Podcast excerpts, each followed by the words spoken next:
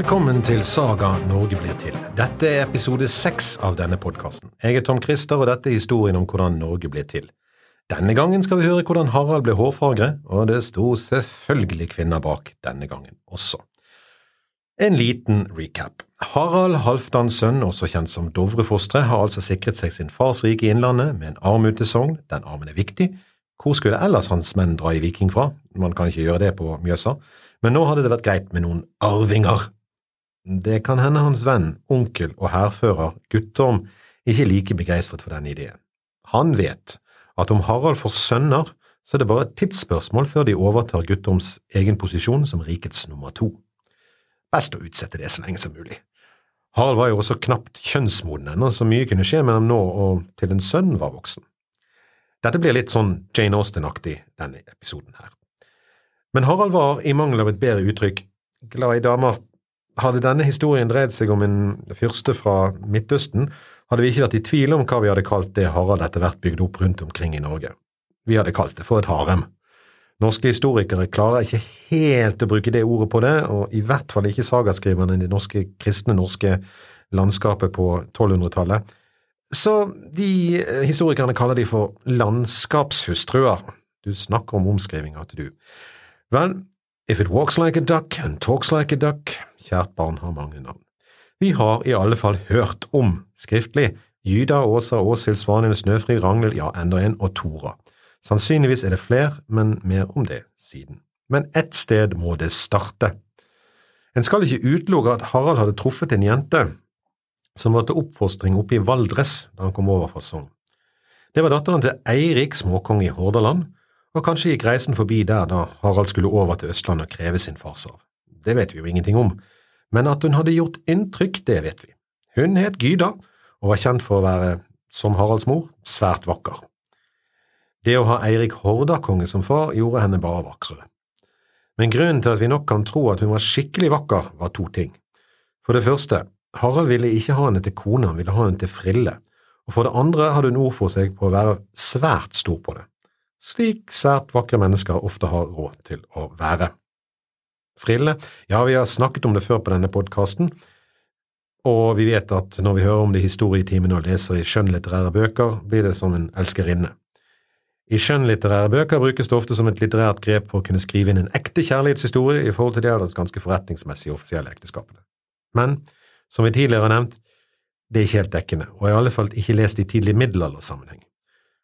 Kanskje har det noe med at de som oversatte sagaene i sin tid, var fra vår tid. I deres tid var dette et klart og tydelig moralsk og rettslig skille, men for vikingtidens menn og kvinner var det ikke sånn.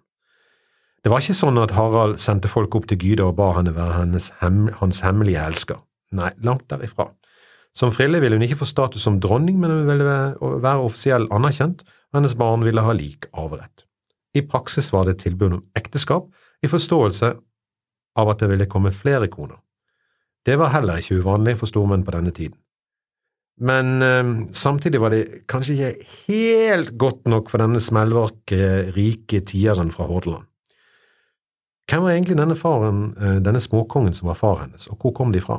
Vel, det kan se ut som om slektens makt hadde utspring i Voss og områdene omkring. Harald og hans ønskede svigerfar skal etter hvert møtes på slagmarken, men det er lenge til ennå. Mellom de to ble det aldri helt fred, de juleselskapene var nok ikke uten pinlig taushet, for å si det sånn. Så Harald sender sine menn oppover mot Valdres for å finne Gyda og be om hennes hånd. Ikke noe uvanlig med det, det er ofte slik på denne tiden at de unge avtaler seg imellom, for så å spørre fedrene. Det som er rart, er at ingen nevner noe om at Eirik av Hordaland får noe som helst informasjon om at dette skjer. Det kan være medvirkende til oppførselen senere. Sendemennene kommer fram og regner med at dette er grei skuring, Kul ny konge søker dame. Dette er Tinder fra 800-tallet. No problem, her blir det sveipet riktig, riktig vei i alle tilfeller. De er sendt av gårde i festrus etter at den unge, flotte kongen har vunnet sitt rike. Hvem vil vel ikke ha en så mektig, staut og flott kar? Også det håret! Ja, ok, han er elleve år gammel, men, men det håret… Harald må ha hatt et flott hår. Det nevnes i flere sammenhenger, også før han kaller seg hårfagre eller luva. Men Gyda har også et flott hår, sies det, så når sendemennene etter å ha reist langt og lenger enn langt, endelig kommer fram til Soria, nei, mener Valdres og finner Gyda, så svarer ikke Gyda helt som de har ventet, nei. De venter å finne en ung, svak møy som de kan ta med seg med det samme, sånn at Harald får en partner. I stedet treffer de på noe helt annet. Det er ganske fristende å se for seg at Gyda var bergenserinne, selv om Bergen skal hete Bjørgvin og det er ennå 200 år før noen oppfinner Bergen. Det er nok et eksempel på at om noe først er oppfunnet, går det ikke an å avoppfinne det igjen, uansett hvor mye mange prøver. Bergen og Brann vil alltid finnes. Men vi sporer. Gyda gir svar på tiltale, og vi kan tenke oss at det høres omtrent slik ut. Harald? Hvilken Harald? Sogning? Han er stril? Han har skaffet seg et rike på Østlandet, sier Neimen, så søtt, da. Østland, Smøstland, sier jeg. Hva skal vi med Østlandet? Det er verst. Det er i vest verdiene skapes. Det er der vi raner og røver hele England og Irland og Skottland og hybridene og landene og Rockall og landene omkring. Dette har fortsatt og forblitt holdningen blant hennes fylkesbarn til denne dag i dag. Det er i vest verdiene skapes. Nei, altså, jeg kaster ikke bort møydommen min på, par, på en småkonge fra Dalom. Jeg tar ikke noe til mann som bare styrer over noen få fylker. Dere kan bare dra hjem igjen til skogene deres, opp i skauen, som de små revedelterne dere er. Men hva mener du med å si noe slikt, faren din er jo bare… Noen stopper sendemennene før dette ender med ufred, men ingen klarer å stoppe Gyda. Og jeg synes det er litt merkelig at det ikke finnes noen konge som vil vinne hele Norge, sånn som Gorm i Danmark eller Eirik i Uppsala. Der har du skikkelige konger. Det ble nok en liten diskusjon hos sendemennene nå, og stemningen var ikke helt høy, men det var nær ved å bryte ut i full kamp. De vet at dette budskapet ikke er det Harald venter, og det som skulle være et lett oppdrag med mulighet for å vinne kongens gunst, er nå med ett blitt farlig. Men blant det finnes noen erfarne ektemenn som ser hvor håpløst det er å fortsette diskusjonen med, vel, Hordakvinnen. Mens de snakker seg ferdig og seg klar til å dra, kan det se ut som noen får et ord med Gyda også, og det kan ha gått noe slik. Er du helt sikker på at det er lurt å være så avvisende? Denne Harald er, han er sterk nå, og det er ikke lange biten fra hans rike opp hit, det er lenger til din far. Hans område i Sogn er også ubehagelig nær din fars rike om dette skulle gå riktig galt. Hvorfor gir han et tilbud som han ikke kan avslå, eller aldri oppfylle, en oppgave han må klare om du skal bli han som, som er for stor? Kanskje det? Gyda er ikke dummere enn at hun skjønner dette. Hva har hun egentlig å tape på å gi Harald inntrykk av at mm, dette kan løses? Taper han, er hun like fri, og vinner han, vil hun selv få god del i byttet. Og vinner han, betyr det at hennes egen far taper, så da trenger hun jo noen på sin side. Hun velger å satse på flere hester. Hedge her bets. Gyda får tak i en av sendemennene og kremter kanskje litt. Ja, nå har det seg slik at jeg kan gå med på å bli Haralds kone, ta denne østlendingen, på én betingelse. En liten betingelse.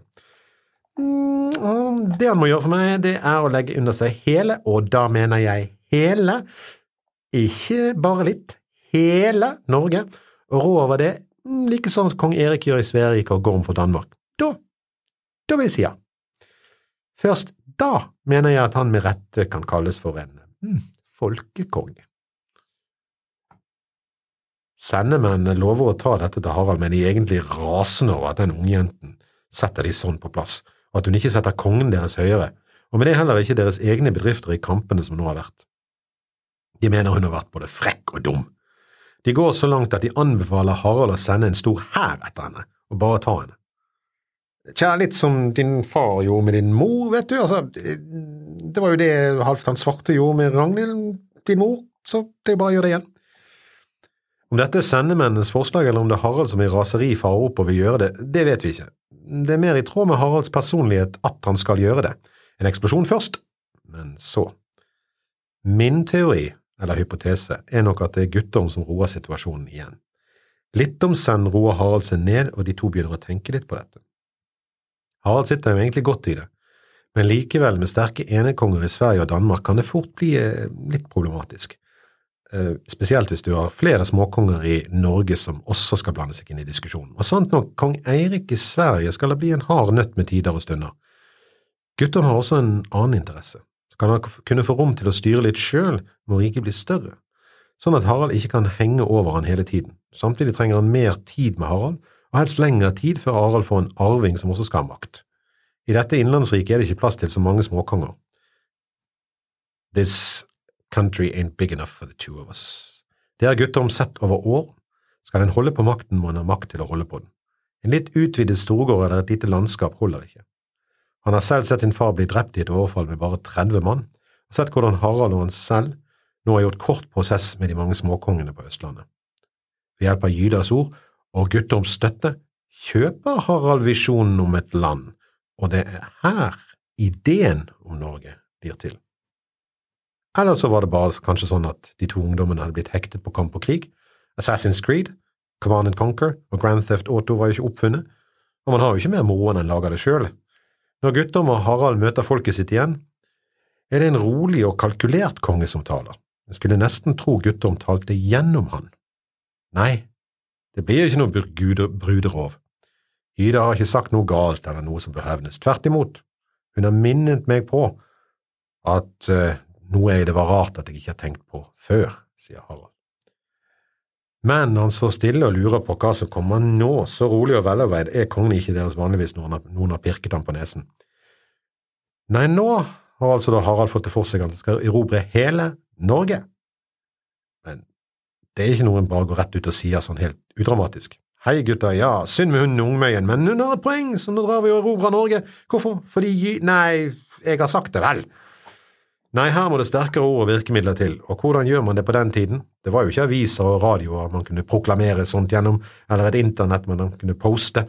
Jo, man sverger en ed, og denne eden måtte være kul, den måtte være god, den måtte være enkel, sterk, og noe som var lett å huske, og gjerne knyttet til et symbol, noe en kunne se, slik at en stadig ble minnet om det og oppdraget. Det skal ikke så mye fantasi til å skjønne at Guttorm og Harald må ha tenkt en del igjennom hvordan de skulle gjøre dette. Der er nemlig noe som alle kjenner igjen straks de ser Harald, og som kanskje også var grunnen til at han ble kjent igjen som sønnen til sin far da Halvdan var gått bort. Eller så har vi bare her å gjøre med en konge som er ekstremt skeptisk til alt som ligner personlig hygiene. Uansett, sverger Harald en ed som fortsatt huskes etter over tusen år, og som gir ham hans tilnavn Hårfagre.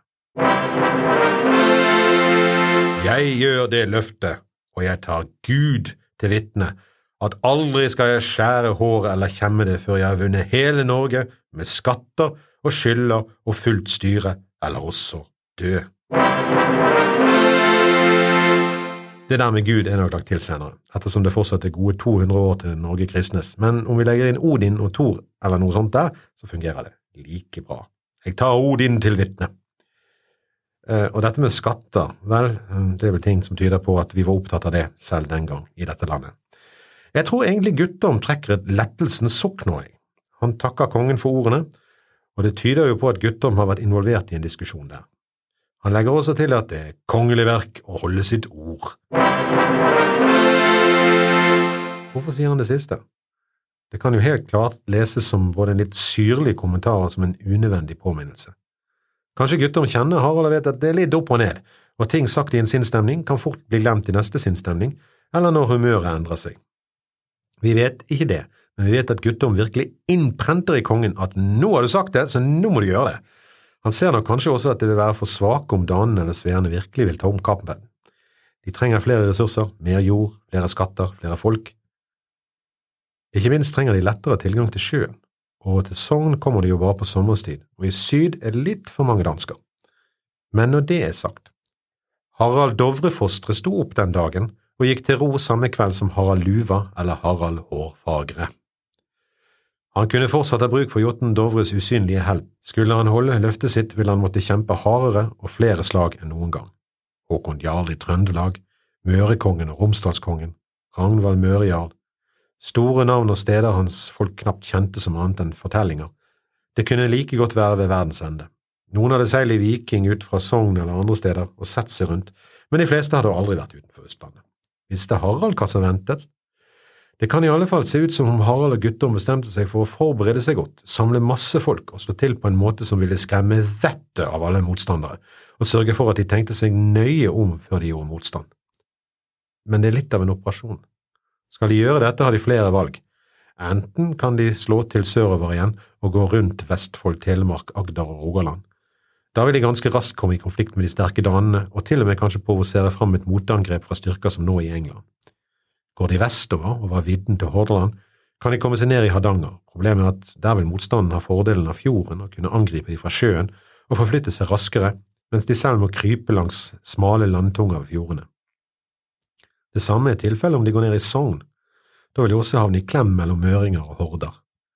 Nei, de må gå en vei hvor de ikke får problemer på flankene og ikke blir sittende fast i en fjorda. Det er egentlig bare ett valg. De må gå nordover mot Trøndelag. Det har to fordeler til, noen av de beste kornmarkene i Norge og kontrollen med den lønnsomme Hålogalandshandelen. Og egentlig så er dette det tettest befolkede området i Norge. Trøndelag er valget.